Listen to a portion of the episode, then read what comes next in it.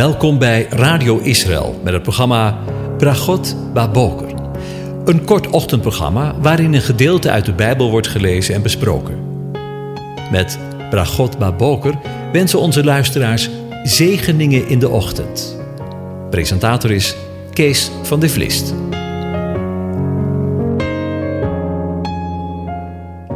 Goedemorgen, Bokatov, beste luisteraars. Vanmorgen gaan we weer verder met Psalm 104 en ik lees de eerste negen versen aan je voor. Loof de Heere mijn ziel, Heere mijn God, u bent zeer groot. U bent met majesteit en glorie bekleed. Hij hult zich in het licht als in een mantel. Hij spant de hemel uit als een tentkleed. Hij maakt de zoldering van zijn hemelzalen op de wateren, maakt van de wolken zijn wagen, wandelt op de vleugels van de wind. Hij maakt zijn engelen tot hulpvaardige geesten, zijn dienaar tot een vlammend vuur. Hij heeft de aardige grondvest op zijn fundamenten. Die zal voor eeuwig en altijd niet wankelen. U had hem met de watervloed als met een gewaad bedekt. Het water stond boven de bergen. Door uw bestraffing vluchtten ze, ze haasten weg, voor het geluid van uw donder. De bergen rezen op, de dalen daalden neer, op de plaats die u ervoor bestemd had. U hebt een grens gesteld, en die zullen ze niet overgaan. Ze zullen de aarde nooit meer bedekken. Tot zover. Over het water gesproken. In de voorgaande uitzending dachten we met elkaar na over het land, de aarde, de Eretz. En vandaag denken we na over het Hebreeuwse woord dat we denk ik allemaal wel kennen. Mayim. Ha, Mayim. Het water. U had hem, en daar wordt de aarde uit de voorgaande vers mee bedoeld, met de watervloed als met een gewaad bedekt. Het water stond boven de bergen. Onwillekeurig moet ik bij het lezen van dit vers denken aan de zondvloed, waarvan we in Genesis 7, vers 17 tot en met 20 lezen. En de vloed was veertig dagen op, het, op de aarde, en het water nam toe en hief de ark omhoog, zodat hij van de aarde oprees. En het water steeg en nam sterk toe op de aarde, en de ark dreef op het water. Het water steeg meer en meer op de aarde, zodat alle hoge bergen, die onder heel de hemel zijn, bedekt werden. Nog vijftien el daarboven steeg het water, en de bergen werden bedekt. Weet u wat me elke keer weer opvalt, en misschien ook u, dat het woord van God geen steekjes laat vallen, ronduit waarheid is en zichzelf altijd weer bevestigt. Ook hier weer.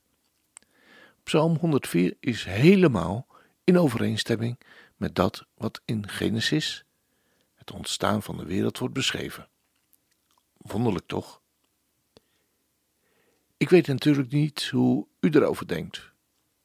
Maar de historische zondvloed wordt in het laatst van de dagen, de tijd waarin wij leven, ontkend. En dat hoeft natuurlijk helemaal niet te verrassen, want de profeet Petrus voorzegt dit al in zijn tweede brief die hij schreef. We lezen namelijk in 2 Petrus 3, vers 3 tot 6 dit. Dit moet u allereerst weten. Dat er in de laatste dagen spotters zullen komen, die naar hun eigen begeerte zullen wandelen en zeggen: Waar is de belofte van zijn komst? Want vanaf de dag dat de vaderen ontslapen zijn, blijven alle dingen zoals ze vanaf het begin van de schepping waren. Want willens en wetens is het hun onbekend dat het woord van God de hemelen er reeds lang geweest zijn, evenals de aarde, die uit het water oprijst en in het water vaststaat. Daardoor is de wereld die er toen was vergaan, overspoeld door het water. Maar de hemelen die er nu zijn en de aarde zijn door hetzelfde woord als een schat weggelegd en worden voor het vuur bewaard tot op de dag van het oordeel en van het verderf van alle goddeloze mensen. De psalmist stelt het einde van de zondvloed zo voor dat God de wateren bestraffend toespreekt. We lezen daarvan, we lazen daarvan in, psalm, in vers 7 psalm van Psalm 104. Door uw bestraffing vluchten ze. Ze haasten zich weg voor het geluid van uw donder. Dan slaan ze op de vlucht. Ze gaan er met haast vandoor, daartoe opgejaagd door het geluid van Gods donder, van Gods spreken. Na de macht van God in de zonvloed zijn de bergen opgerezen en de dalen neergedaald op de plaats die God, zoals we lezen in vers 8, ervoor bestemd had. Toen hij het droge tevoorschijn liet komen, heeft hij het water van de zee onder andere als oceanen in de dalen hun plaats gegeven. De zee staat onder het gezag van God. In zijn macht over de zee heeft hij aan het water een grens gesteld. Lezen we in vers 9, maar ook in Job 38, vers 8 tot 11. De aarde zal niet meer door water worden bedekt. Dat er een wereldwijde zonvloed is gekomen, ligt aan de slechtheid van de mensen. Daarna heeft God gezegd dat hij de wereld niet weer door water zal verwoesten. In Genesis 9 horen we de Heere, de God van hemel en aarde, spreken.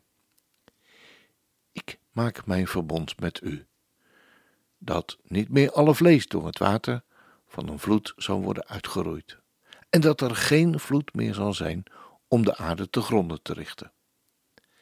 En God zei: Dit is het teken van het verbond dat ik u geef tussen mij en u, en alle levende wezens die bij u zijn, alle generaties, door tot in eeuwigheid.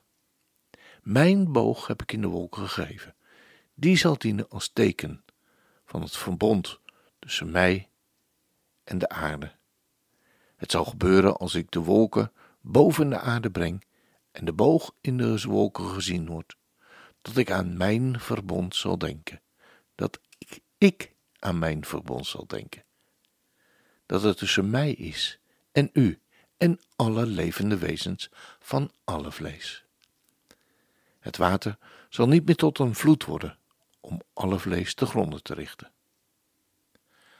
Als deze boog in de wolken is, zal ik hem zien, zegt de Heere, en denken aan het eeuwig verbond tussen God en alle levende wezens, van alle vlees dat op de aarde is.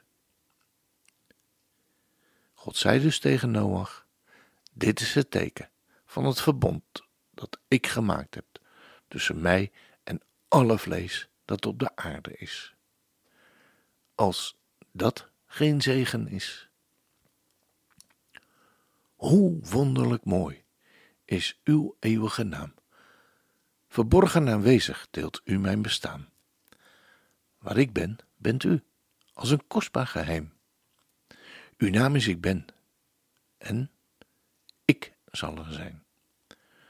Een boog in de wolken als teken van trouw staat boven je leven, zegt: Ik ben bij jou. In tijden van vreugde, maar ook van verdriet, ben ik bij u veilig, u die mij ziet. Ik ben die ik ben, is uw eeuwige naam, onnoembaar aanwezig, deelt u mijn bestaan. Hoe adembenemend, ontroerend dichtbij. Uw naam is ik ben en ik zal er zijn. De toekomst is zeker, ja, eindeloos goed. Als ik eens moet sterven, als ik u ontmoet, dan, dan doogt u mijn tranen. U noemt zelfs mijn naam.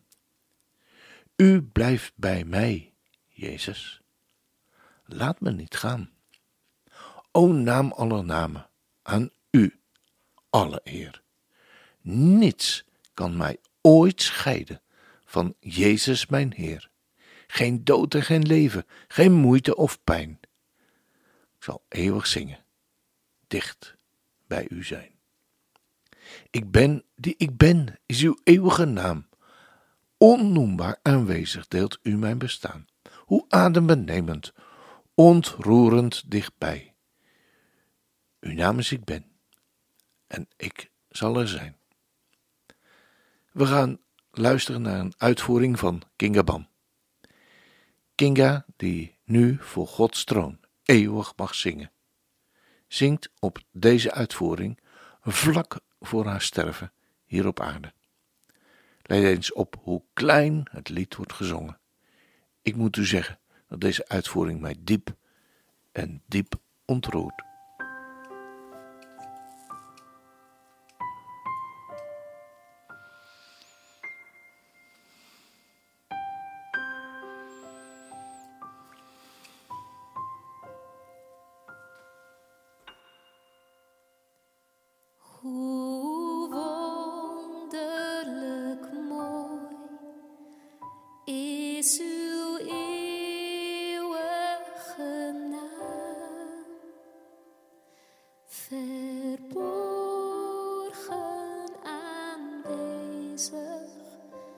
Zal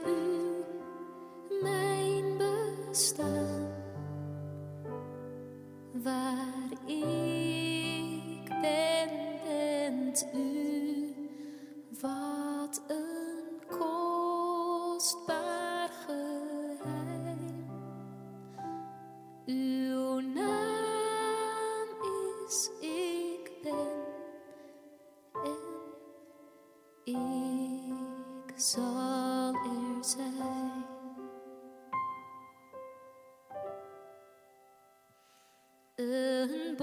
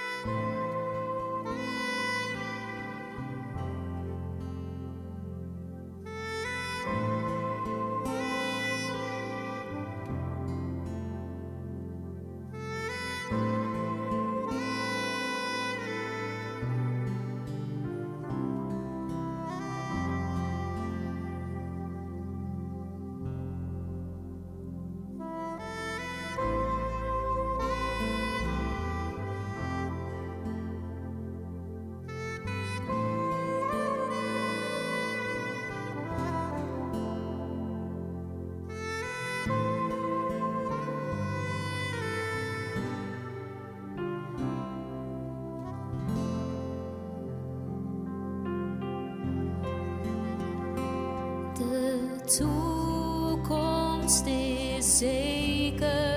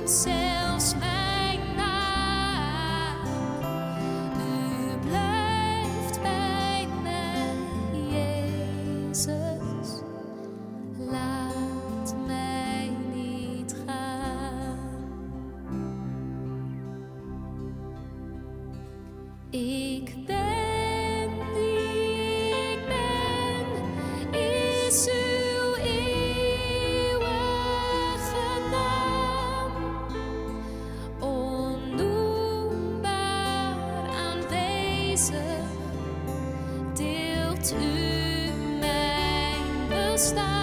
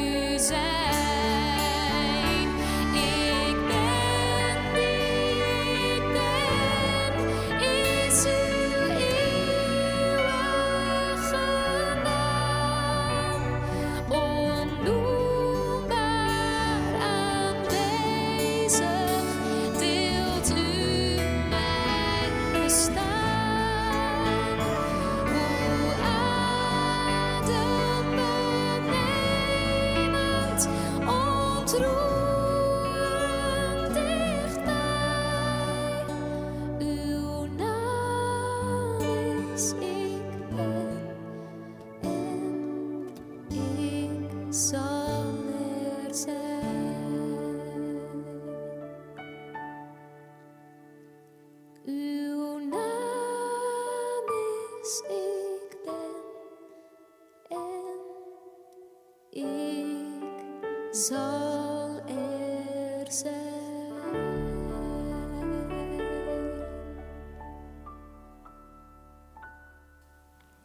Ja, een eh, prachtige uitvoering. En eh, je hebt bijna de neiging om te denken van, eh, als je dit zo allemaal hoort, dat de plaats waarop wij staan, dat het heilige grond is. Dan zijn we hiermee weer aan het einde van deze uitzending gekomen en wens ik u God zegen toe. De Heer zegene en hij behoedt u. De Heer doet zijn aangezicht over u lichten. De Heer verheft zijn aangezicht over je en geeft je zijn vrede. Zijn shalom.